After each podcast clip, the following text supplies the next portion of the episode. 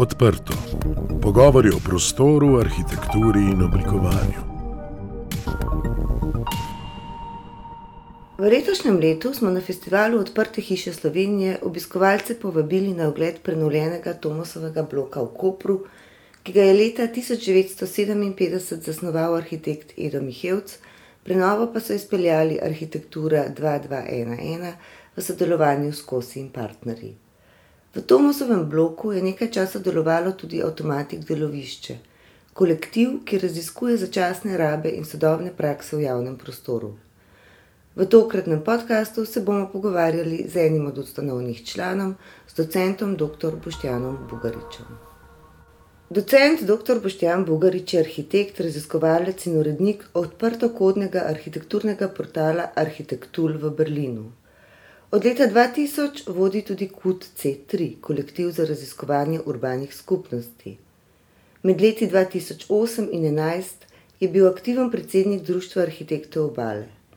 Svoje umetniške in participatorne projekte je razvijal na različnih rezidencah po svetu, od New Yorka, Londona, Berlina do Mexico Cityja. Kot docent je predaval na Fakulteti za humanistične študije, na Fakulteti za arhitekturo v Ljubljani, na Akademiji za likovno umetnost in oblikovanje, na Parsons The New School for Design v New Yorku in bil gostujoči kritik na Cornelu v Rimu. Z arhitekturo sodeluje z različnimi organizacijami, kot so platforma Future Architecture in Docomomo. Leta 2019 je v Kopru ustanovil kolektiv Automatik delovišče s spletnim portalom za prostorske tematike Zbirnik. Javni prostor je po definiciji prostor, ki je dostopen vsem, ne glede na spol, raso, starost ali socialni status. Pomembno vpliva na skupnost, saj predstavlja okolje, v katerem se odvija javno življenje in oblikuje skupne vrednote. Mestu daje prepoznavnost in identiteto. V sodobnem času neoliberalizma smo priča nadvladi zasebnega kapitala nad javnim interesom, kar se odraža na način, da je javni prostor vedno bolj nadzorovan, javnost pa postaja blago široke potrošnje. Čeprav se je javno življenje med pandemijo večinoma preselilo v medijski prostor, se vedno bolj zavedamo, da je kakovost življenja odvisna tudi od dostopa do skupnega fizičnega prostora in skupnih zelenih površin. Pomembno je tudi, kako so ti prostori oblikovani in na kakšne načine jih lahko uporabljamo. Slovenska obala se srečuje z najrazličnejšimi problematikami, od zapuščenih objektov, ki jih je zapustila prejšnja gradbena kriza, do degradiranih mestnih območij, pa do pomankanja zelenih površin in nepovezanih javnih prostorov. Zadnja celovita vizija prostorskega razvoja je bila oblikovana v 60-ih letih prejšnjega stoletja, ko se je s tem ukvarjal arhitekt Edo Mihevc. Kasneje pa ni bilo neke želje in politične volje, da bi se prostor obravnaval celovito, z mislijo na prihodnost. Avtomatik delovišče skuša s svojim delovanjem opozoriti na te problematike, povezati odločevalce z najširšo javnostjo in izpostavlja pravico slehernika do kakovostno oblikovanega javnega prostora. Boštjan, pozdravljen. Avtomatik delovišče je nekaj časa delovalo v pritličju prenovljenega Tomosovega bloka, kar je imelo za kolektiv tudi močan simbolni pomen. Kako si prišel na to idejo, kako ste se dogovorili z lastnikom in kakšen je bil vaš program v času tamkajšnjega delovanja? Živijo, Lenka. Hvala za to povabilo. Ideja avtomatik delovišča se je nekako rodila v Tomosovem bloku, pri tliču Tomosovega bloka, vendar je nastajala že kar nekaj časa prej, lahko rečem tudi 10 ali pa 15 let prej. Um, ideja sama je um, dozorela pač v določenem momentu, v določenem času, ravno zaradi tega, ker, smo, ker je naš kolektiv oziroma skupina iskala ustrezen, ne samo ustrezen prostor, ampak tudi ustrezen moment za nekako začetek izvajanja tega programa. Na nek način se je ta moment izkazal ravno v tem trenutku, kajti v času, ki ga živimo, v tem popolnoma neoliberalnem času, kjer je arhitektura in prostor podrejena večinoma eh, zgolj in samo kapitalu, in se večje, večji tipi arhitektur večinoma zidajo samo in na način um, komunikacije z, z velikimi investitorji. Smo poskušali v tem trenutku um, komunicirati z lastnikom prenovljenega Tomosovega bloka, ki je sicer prej več kot deset let razpadal v samem historičnem mestnem jedru Kopra. Investitor je po tem dolgem obdobju kupil objekt od mestne občine Koper. Um, moram reči, da je, Tomosov, da je, da je bil za Nazorev trg in Tomosov blok izveden leta 2006 tudi javni anonimni natečaj skupaj z Apsom, vendar ni bil pač nikoli udejanjen. No, in na tem Tomosovem bloku se je pač zgodila, uh, se je zavrtela zgodba drugače. Investitor je bil pripravljen prisluhniti na našo ponudbo in sicer da za neko določeno obdobje, recimo polletno obdobje, nam ponudi pritliče za začasno rabo, za neke um, začasne aktivnosti, začasen program, ki smo ga izgajali skupaj s kolektivom arhitektov, ukrajinskih arhitektov, oblikovalcev, radicev, uh, kulturnikov, umetnikov, fotografov in tako naprej. Gre seveda za sodelovanje kulturno-umetniškega društva C3 in um, radia, neodvisnega radia Nor, um, v tem, ki je seveda v, v, v tem prostoru ustvarilo na nek način neko, uh, nek nov prostor, nov prostor skupnosti. Namreč vsebine oziroma program. V, v, v tem prostoru je bil namenjen predvsem povezovanju z lokalno skupnostjo, z lokalnimi prebivalci. Zato smo se že od samega začetka povezali z uh, krajevno skupnostjo Koper Center, že prej smo bili povezani s krajevno skupnostjo Semedela. Oblikovali smo različne aktivnosti, od razstav, delavnic, okroglih mis na temo novega občinskega prostorskega načrta, kjer je sodeloval župan in izdelovalci tega načrta. Um, to sta bili uh, arhitektki iz uh, iz eh, Ljubljanskega urbanističnega zavoda. Eh, potem smo oblikovali, smo pač pripravili tudi različne razstave. Prva, začeli smo v bistvu s prvo razstavo, sicer že novembra 2019. Gre za razstavo, mm, kjer smo predstavili um, izbor diplomskih, magistrskih in doktorskih del, ki so bili narejeni v, na fakulteti za arhitekturo v Ljubljani na biotehnični fakulteti oddelku za krajinsko arhitekturo in tudi na fakulteti za arhitekturo v Mariboru. Predstavljene so bile naloge iz zadnjih 30 let, se pravi, prva naloga je bila iz leta 1986 in tako naprej. In te naloge smo nekako pozicionirali na zemljevid historičnega mestnega jedra in, in, oko, in okolico, ter s tem pokazali, da, ukolikor bi že samo v tem obdobju nekako ustvarili uh, nek koherenten razvoj in poskušali v bistvu razvijati mesto celovito, bi se to mesto v tem času uh, razvilo veliko drugače, kot se je. Namreč zadnji celovit načrt, ki je bil pripravljen za samo mesto Koper, je bil narejen seveda v 60-ih strani arhitekta Eda Mihevca, odslej pa pač ničesar več. Um, seveda smo nadaljevali to delo tudi, z, tudi sami.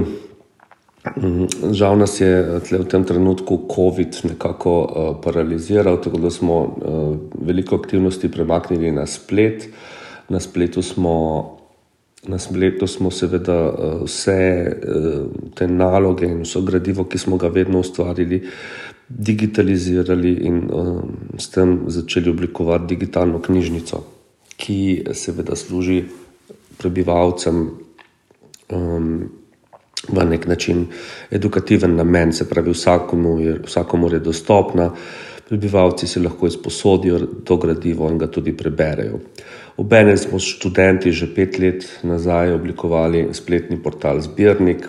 Gre za v bistvu portal, ki uh, tako tudi preko socialnih omrežij um, informira in zbira različne informacije o urejanju prostora na področju vseh štirih obaljnih občin, ne samo Kopra, namreč pomembno pri uh, prostoru oziroma pri celovitem razvoju prostora je to celovito razmišljanje in celovit zaobjem različnih, uh, se pravi, celovit zaobjem prostora, ne samo enega samega mesta.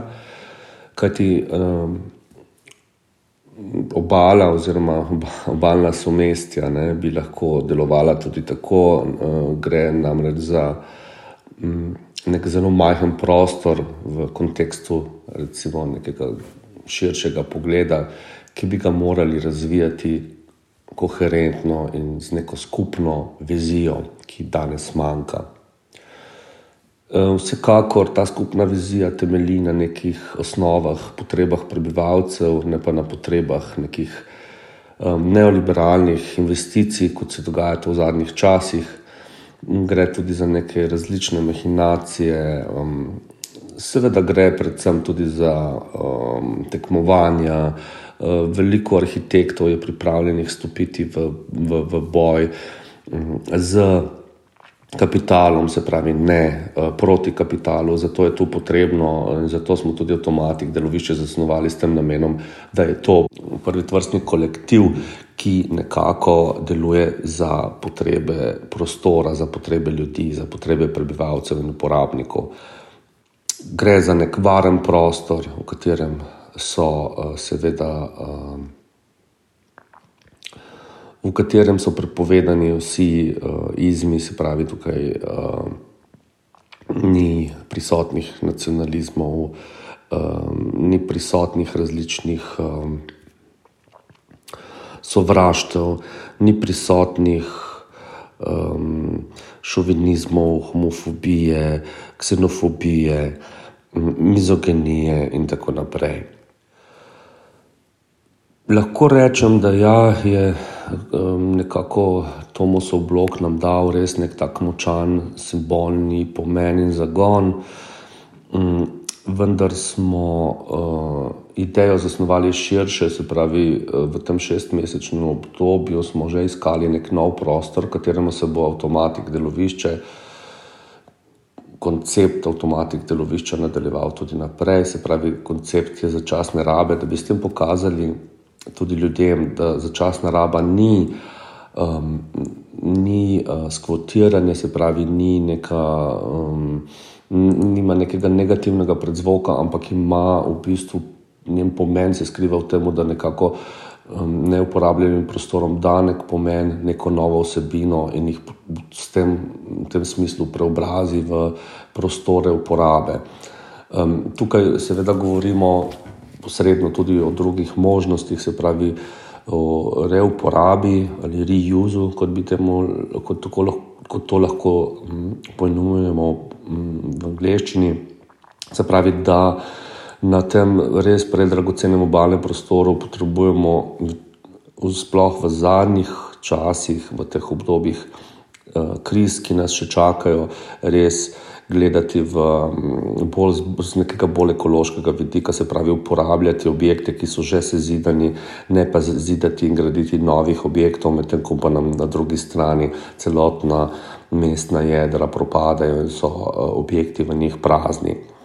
V tem kontekstu seveda gre še um, poudariti um, dve pomembni stvari. Ena je mm, razvoj nekega kritičnega turizma, ki pomeni odklon od tega klasičnega masovnega turizma, se pravi poudarjanje pomena um, turizma uh, in vnosa turizma v mesto z namenom razvoje, razvoja nekih kvalitetnih vsebin, uh, ne pa masovnih vsebin. Ki mesto dejansko tudi na nek način osiromašujejo na dolgi rok, kot smo to lahko tudi dolgoročno videli. Se pravi, mesto naj ne bo namenjeno za turiste iz križarskih ladij, ampak naj bo namenjeno za, tudi za lokalne turiste, tudi za lokalne potrebe. Ampak če teh vsebin na voljo, nima na voljo, jih seveda ne more ponuditi. In to se je seveda tudi izkazalo v tej zadnji, zadnjem obdobju, v primeru turističnih bonov uh, zaradi COVID krize, ker se je jasno videlo, um, kaj do česa lahko pripelje, če prihaja do neke pretirane turistifikacije. Se je praktično celotna Slovenija rinila na slovensko obalo, obala pa ni imela um, praktično možnosti oziroma namena ponuditi nekakršnih kvalitetnih, vsebinskih, arhitekturnih in urbanističnih rešitev. Druga zadeva, ki je tu pomembna, je seveda um, edukacija in sicer edukacija poteka, kot sem že prej omenil, preko različnih spletnih medijev, ter seveda preko medijev samih, uh, tega, da se uh, vsebine prenašajo do uporabnikov preko radia, televizije, časopisnih medijev. Kot omenjeno, že sodelujemo z Radijem Nor, v nadaljevanju uh, se pripravlja tudi oddaja na Radio Koper, kjer študenti Akademije za likovno oblikovanje iz Ljubljane ali O, um, kjer sem jim mentor, pripravljamo eno izmed, oziroma tri oddaje za Radio Koper, kjer bomo dejansko prebivalcem pokazali, kakšne so te njihove možnosti um, uporabe. Avtomatik delovišče in KUD C3 delujeta med drugim na področju inovativnih praks upravljanja javnega prostora in začasnih rab v zapuščenih objektih. S čim se trenutno ukvarjaš, zakaj se zauzemate? Seveda je KUD C3 društvo v javnem interesu in avtomatik delovišče je nekako del eh, oziroma projekt KUD C3 in razvoj tega projekta na področju nekih inovativnih praks upravljanja javnega prostora in začasne rabe v zapuščenih objektih se je začel že leta 2000, ko je kot C3 prvič izvedel performance v stari, še neporušeni cinkarni celje.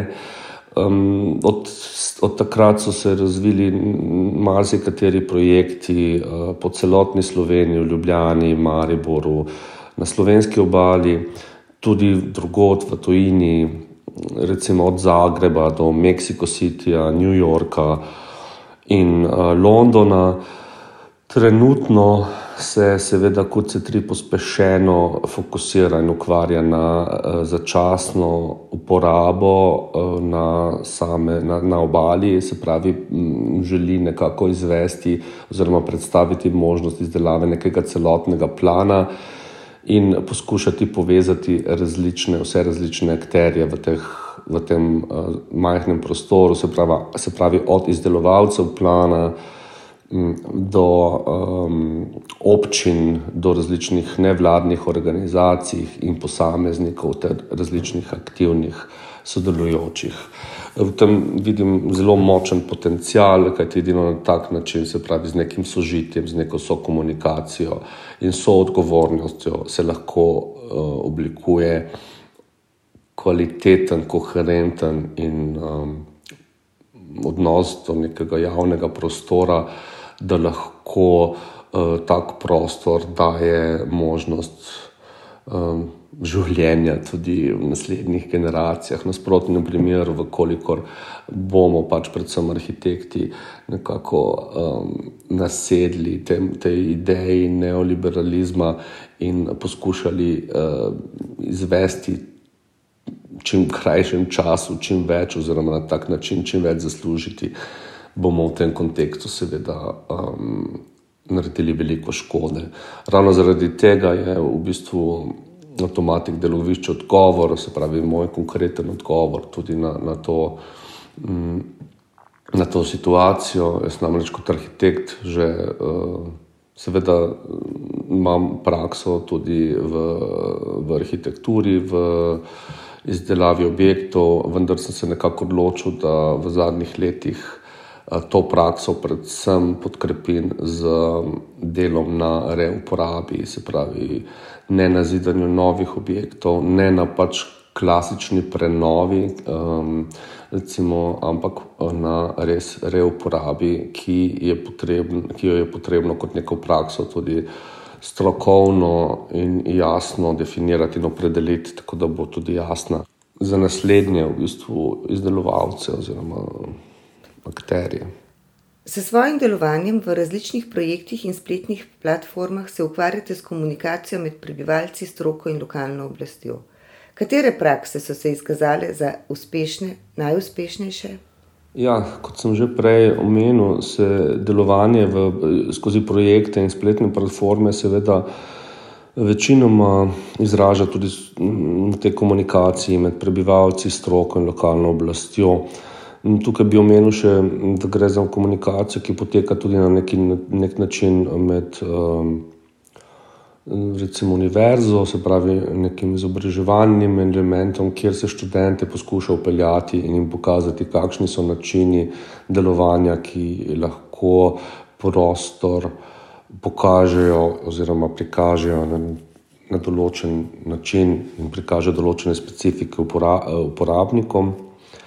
Um, Konkretno gre tukaj za zbirnik, gre za uh, spletni portal, ki smo ga zasnovali ravno študenti in ga sedaj že po petih letih razvijajo in ga dejansko um, tako preko socialnih omrežij, tudi, um, tudi pač preko, preko spletnega portala prikazujemo vse dejanske spremembe oziroma vse zadeve, ki se dogajajo na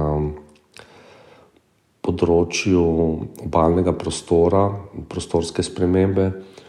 Um, gre za tudi uvajanje neke pravice do prostora, se pravi, pravice vseh ljudi do uporabe prostora, predvsem javnega prostora. In uh, zbirnik omogoča ravno to odprtost. Namreč prebivalci lahko so vključeni tudi, vprašajo, predlagajo, komentirajo imamo različne ankete, imamo različne projekte, kjer, so, kjer si lahko prebivalci tudi sami preberejo različne tako eh, knjige, tekste, naloge, kot tudi različne članke.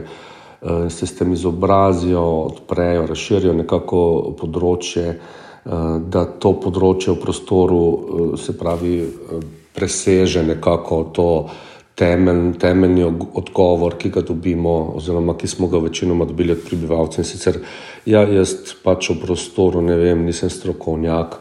Oziroma, druga zadeva, ki me blazno razžalosti, je, ko mi nekdo komentira zadevo, da ja, to pa kazi, mest, kazi uh, podobo mesta. Uh, to so predvsem popolnoma neprimerni odgovori. Jaz mislim, da je za konkretne odgovore potrebna tudi zelo uh, um, jasna samo edukacija, s tem, da lahko vsak prebivalec, ki živi v prostoru, razume, kaj je v prostoru pomembno, kaj so njegove pravice in kje se lahko o teh pravicah informira. Pandemija nas je prisilila v socialno distanciranje. Se ti zdi, da se je odnos do javnega prostora spremenil? Kaj je tisto, kar javni prostor slovenske obale najbolj potrebuje? Pandemija nas je v avtomatik deloviču nekako prisilila ne v socialno distanciranje, ampak v izražanje preko drugih možnosti, se pravi preko socialnih omrežij, preko online povezav, preko radijskih povezav, preko različnih medijev. Mi eh, te pandemije ne gledamo kot neke, kot neke slabosti, ampak kot priložnost. Seveda se je pa odnos do, do javnega prostora v tem času zelo spremenil. Predvsem, pri, um, predvsem moram reči, da pri raznih uh, investitorjih, pravi, ki še vedno stremijo k tem svojim investitorskemu urbanizmu, investitorski arhitekturi, konkretno na primeru Koper, lahko vidimo, da je v tem obdobju pandemije ravno Solis, objekt Solisa, se pravi, dobil še dve dodatni nadstropi, tako da eh, popolnoma zapira mestno podobo z te glavne upadnice, v, v, v mm, koperske upadnice v mestno jedro. In ravno zaradi tega, ker seveda uh, v tem času uh, se, nekako, se je nekako zdelo, da je vse zaprto, je investitor izkoristil tole možnost in tole pridal k tej, k tej svoji, k tej svoji v bistvu. Um, k, tej, k temu svojemu projektu. Seveda je mnogo drugih podobnih projektov tudi na mizi, vendar se ne bi zdaj do tega um, v, te, v te podrobnosti spuščal. Vendar um, je ena ključnih stvari, ki je zaskrbljujoča, je ravno se, se pravi občinski prostorski načrt. In mislim, da pri tem projektu je zelo pomembno, da so vsi ljudje oziroma vsi prebivalci zelo jasno seznanjeni s tem, kaj pomeni oblikovanja prostora, grajenega okolja, in da se jih nauči tudi brati te različne načrte. In to je tudi namen avtomatik delovišča. Delujemo zelo pospešeno z različnimi socialnimi uh, skupinami, z različnimi tudi um, starostnimi skupinami in seveda tudi z različnimi preko, preko krajevnih skupnosti, preko um, različnih platform, kjer se nekako poskušamo osredotočiti na edukacijo, kako brati te plane. Tako da tukaj ne gre, da bi avtomatik delovišče kritiziral občinski prostorski načrt, ampak gre za to, da ga prevaja in da ta načrt postane ljudem jasen in lahko sami izrazijo svoje, svoje mnenje na ta načrt. Jaz mislim konkretno, oziroma ker smo se s kolegi v avtomatiku pogovarjali, konkreten problem so seveda definitivno javne zelene površine. In to je glavni problem slovenske obale. Slovenska obala je v veliki večini že, že kar sploh obalni pas zelo pozidana in uh, mislim, da je zelo potrebno in pomembno nekako uh, obdržati, če ne celo pridati uh, zelene pasove uh, z absolutno, absolutno zasaditvijo, z zased, novimi zasaditvami dreves um, ker uh, v nasprotnem primeru bodo vsa primorska mesta, sploh v tej spremenjeni klimi, poletni, težko dihala poleti. Um, če tukaj samo omenim primer, ko je um, primerjave, uh, recimo načrtovanja mest Berlin, mesto Berlin je leta 1920 imel jasen plan zelenih, izdelave zelenih površin v mestu. Um, sprašujem se, da ima Koper, da ima Izola, da ima Piran, Ankaran. Eden tvojih zadnjih projektov je sodelovanje in kuriranje razstave v galeriji Desa z naslovom Arhitektura, skulptura, spomin. Avtomatik delovišče je bil v preteklih tednih virtualni portal, kjer je bil vsak dan predstavljen eden izmed 33 spomenikov nekdanje Jugoslavije. Pogovor o tem boste zaključili na Dan Republike 29. novembra 2020. Kako ste se lotili priprave razstave? Kakšen je njen pomen za razumevanje preteklosti? V arhitekturni galeriji Desa smo skoraj po 30 letih razpada Jugoslavije nekako z distanco pogledali um, to skupno arhitekturno zgodovino jugoslovanskih spomenikov. Gre seveda za nekako izsek tega segmenta, ki je bil predstavljen v New Yorkski MOMI. Uh, uh, se pravi, tukaj gledamo na, konkretno na spomenike uh, nekdanje Jugoslavije, ki um, so namenjeni žrtvam narodno-osvobodilne borbe, vojne in nas skozi to umetniško govorico spominjajo in opominjajo na dostojanstvo človekovega življenja in smrti. Zdi se, da je z razpadom Jugoslavije na samostojni državi leta 1991 začela tudi izvenevati potreba po spoštovanju spomini, spomina, ki ga izražajo njena spominska obeležja. Zato so spomeniki danes po posameznih območjih različno obravnavani v različnih stanjih, ponekod ohranjajo spoštljiv spomin na preteklost in na prizadevanja minulih generacij, drugot so zapuščeni in prepuščeni propadu ali pa celo skrunjeni ki so zelo abstraktni, danes izkoriščajo takšne ali drugačne namene, od snemanja reklam, glasbenih videospotov do modnih pist. Takšno rabo spomenikov strani posameznikov, ki s preteklostjo ne čutijo oziroma je ne poznajo in je tudi ne, tudi ne morejo spoštovati, je zloraba in omalaževanje dostojanstva žrtev ter spomina na nje. Z razstavo načrtujemo gostovanje v vseh nekdanjih jugoslovanskih republikah, spodbuditi želimo zrelo in spoštljivo presojo umetniško-arhitekturne vrednosti spomenikov nekdanje države, upozoriti na njihov kulturni in kontemplativni pomen, ter s tem prispevati k vzdrževanju in ohranjanju spominskih območij. Prav tako želimo prispevati uh, in predstaviti izjemno napredno in še vedno sodobno umetniško govorico njihovih ustvarjalcev. Namreč spomeniki so vezi s preteklostjo, opominjajo na dostojanstvo človeškega življenja in smrti, in predvsem tudi spomina. Projekt Arhitektura, skulptura, spomin umetnost spomenikov Jugoslavije od leta 1945 do 1991 je nastal v sodelovanju arhitekturnega galerije Desa, revije arhitektov Bilten, Automatik delovišča in seveda tudi spletnega portala, mednarodnega arhitekturnega spletnega portala Arhitektul. Z kuratoricami Kristino Dešman, Majo Ivanič, Špelo Kuhar, Evo Mausar, Špelo Nardoni Kovač in Damjano Zaviršek Hudnik smo ustvarili, nekako izbrali, ustvarili razstavo z 33 spomeniki, ki so pač bili predstavljeni in bodo predstavljeni tudi v vseh državah bivše Jugoslavije.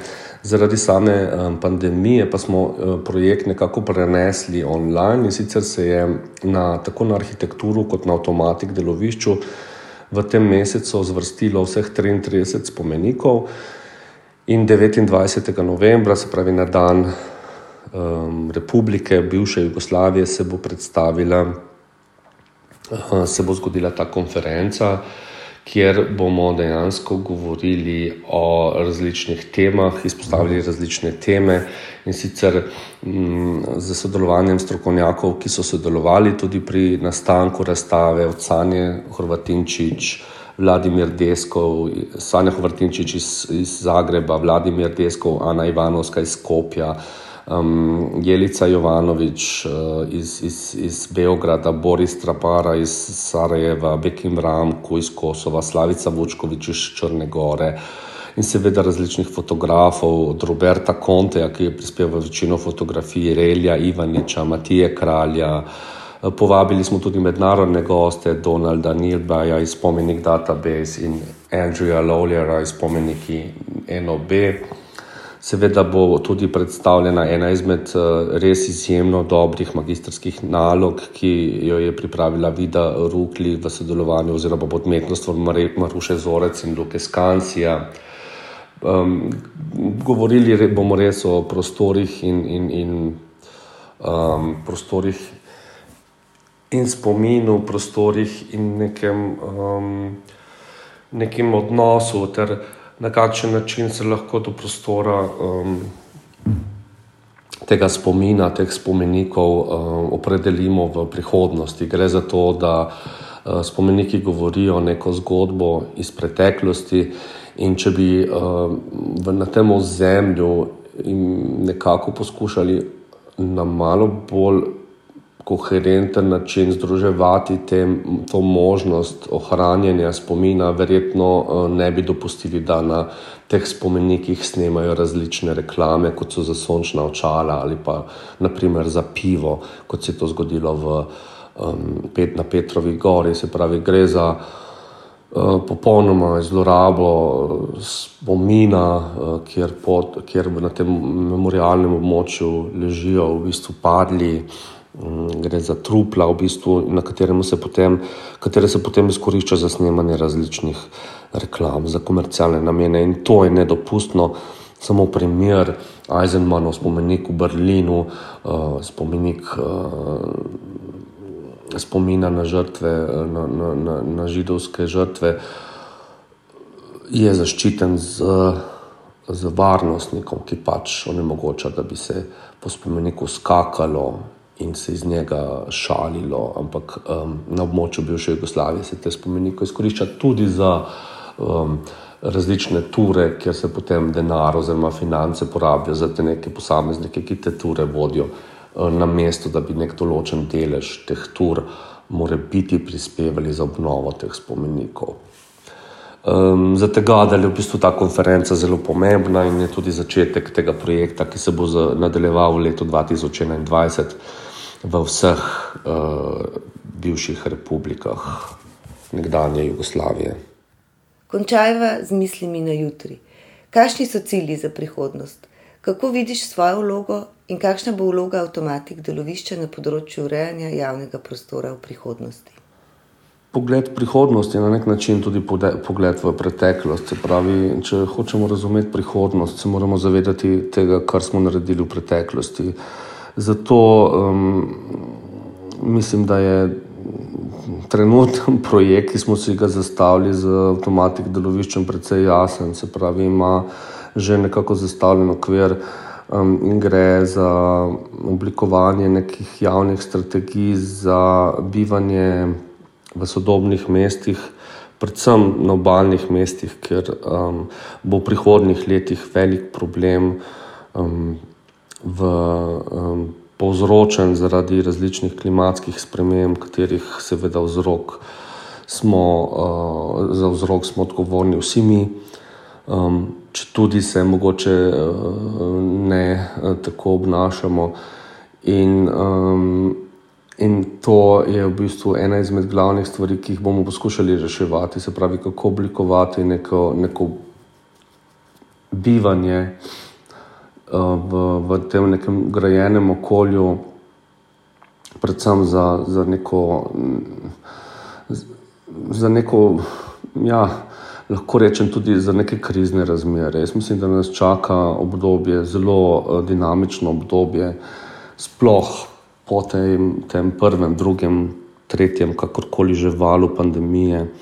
Jaz mislim, da bomo uh, mogli zelo temeljito premisliti um, o načinih mobilnosti. Namreč pandemija nam je zelo jasno pokazala, kako se, bo, kako se mobilnost spremenja, večinoma nizkocenovnih letov se pravi letala, dejansko niso več tisti način mobilnosti, ki smo se ga oprijeli pred kratkim.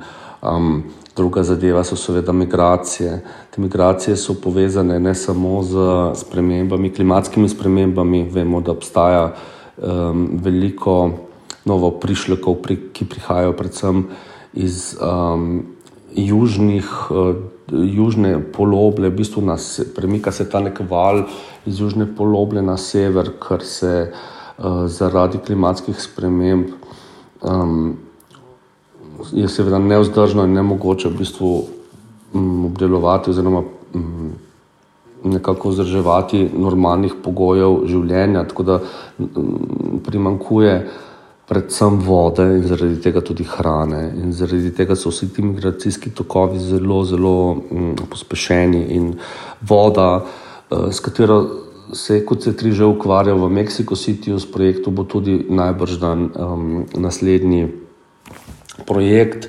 Oziroma, projekt, ki, ki ga nekako poskušamo razvijati tudi v, v, na obali. Kot vemo, se je pred kratkim zgodila nesreča z vlakom in je potem ta kerozin stekel v vodni vir. In je bila celotna bala zelo uh, pod pač res uh, problematičnem uh, stanju.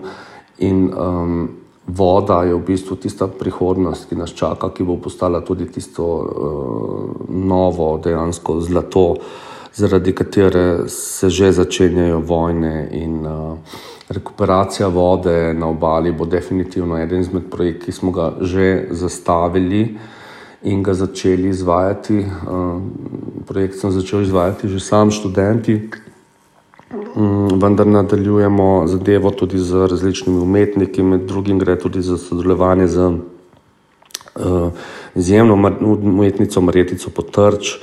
Uh, izjemnimi teoretiki, uh, kot so Barbara Predan iz uh, Alu Oja iz Ljubljane um, in tako naprej. Gre seveda za projekt, ki se bo izvajal dolgoročno z namenom ustvariti nekih boljših, kvalitetnih pogojev. Ne samo za urejanje javnega prostora, ampak za nekako možnost preživetja um, v teh nekih novih razmerah, ki nas čakajo v prihodnosti. Uh, s tem ne želim biti negativen, ne želim biti uh, pesimističen, želim biti samo uh, zelo realističen in predstaviti osnovne pogoje, ki nas čakajo v prihodnosti, zato da se lahko na nje bolje pripravimo in zato da lahko usmerimo vse moči v reševanje problematike, ki nas čaka že danes. Načeloma smo kar malo pozni, če ne če celo prepozni, zato je pomembno, da se te tematike izključno te tematike lotevamo čim hitreje, čim prej in na čim boljši način. Vse ostale zadeve so nepomembne. Mislim, da je um, ta tematika zelo pomembna in da se ji trenutno tako uh, tudi na nekem političnem področju obravnavanja uh, v Sloveniji daje absolutno premalo podarka.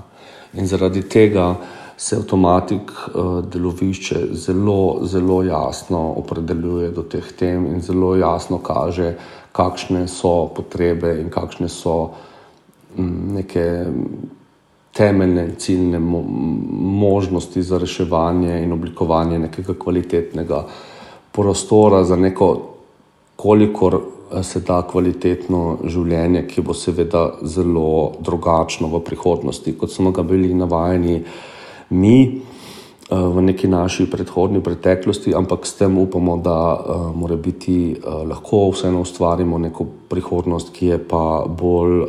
Um, bolj zadržana, eh, bolj um, nekako ekološko nastrojena do, do uporabe okolja, kot smo jo bili vajeni mi, in v tem kontekstu tudi, um, da bo obstajalo veliko več mladih, aktivnih, aktivno vključenih udeležencev, ki bojo nasprotovali um, ne za želenim investicijam kapitala, ne za želenim uh, potrebam in vidikom, ki jih kapital povzroča, in um, predvsem nasprotovali preka, prekarnim um, načinom delovanja um, in življenja v tem prostoru. In s tem namenom pokazali tudi, kakšne so neke nove možnosti za oblikovanje in življenje v neki novi solidarnosti, eh, z seveda tudi eh, takim istim delovanjem, se pravi solidarnim delovanjem in solidarnostjo v prostoru. Poslušali ste podcast Odprto, prvi slovenski podcast o arhitekturi, ki ga je pripravila ekipa OHS. Za akustično ugodje je skrbel studio Sonolab.